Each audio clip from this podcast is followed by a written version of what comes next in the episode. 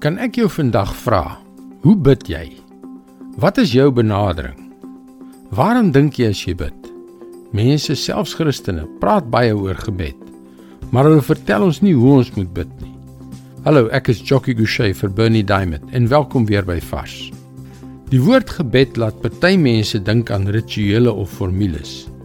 Jy weet mos, jy moet op 'n sekere plek wees, die regte klere aan hê en die regte woorde op die regte manier bid.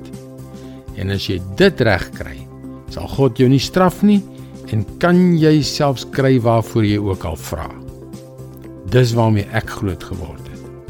Maar toe eendag sit ek en dink, as dit is hoe gebed werk, wie het dit dan nodig? Met die gevolg dat ek toe vir 20 jaar nooit gebid het nie. Dit is 'n lang tyd om in die woestyn deur te bring. In my laat 30er jare Toe al my hoop en drome in skerwe gelê het, het ek uit pure desperaatheid weer begin bid. Nie met formules nie, o nee. Ek het net my hart by God uitgestort. En tot my absolute verbasing het God my begin antwoord. Sy antwoorde was nie wat ek altyd verwag het nie. Ek het gehoop dat hy 'n towerstaf sou waai en al my probleme sou oplos maar hy het iets heel anders in gedagte gehad.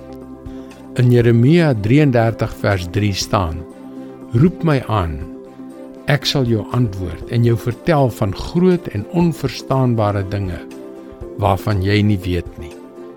Ek het toe tot God geroep. Hy het my wel geantwoord. Maar sy antwoorde was sy wysheid en die aanmoediging wat ek nodig gehad het om deur die moeilike tye te kom nie 'n towerstaf om die probleme in 'n oogwink te laat verdwyn nie. Gebed, dit is nie 'n formule nie. Word eerlik. Roep tot God en hy sal jou antwoord. Dit is sy woord vars vir jou vandag. Om nader aan God te kom is die wonderlikste ding. Dit verander jou. Dit moedig jou aan, dit versterk jou. En die beste manier waarvan ek weet om dit vir jou 'n werklikheid te maak, is om God se woord te gebruik. Kom leer meer, besoek gerus ons webwerf varsvandag.co.za vir toegang tot nog boodskappe van Bernie Diamond. Sy boodskappe word reeds oor 1300 radiostasies en televisiekanale uitgesaai. Skakel weer môre op dieselfde tyd op jou gunstelingstasie in. Mooi loop. Tot môre.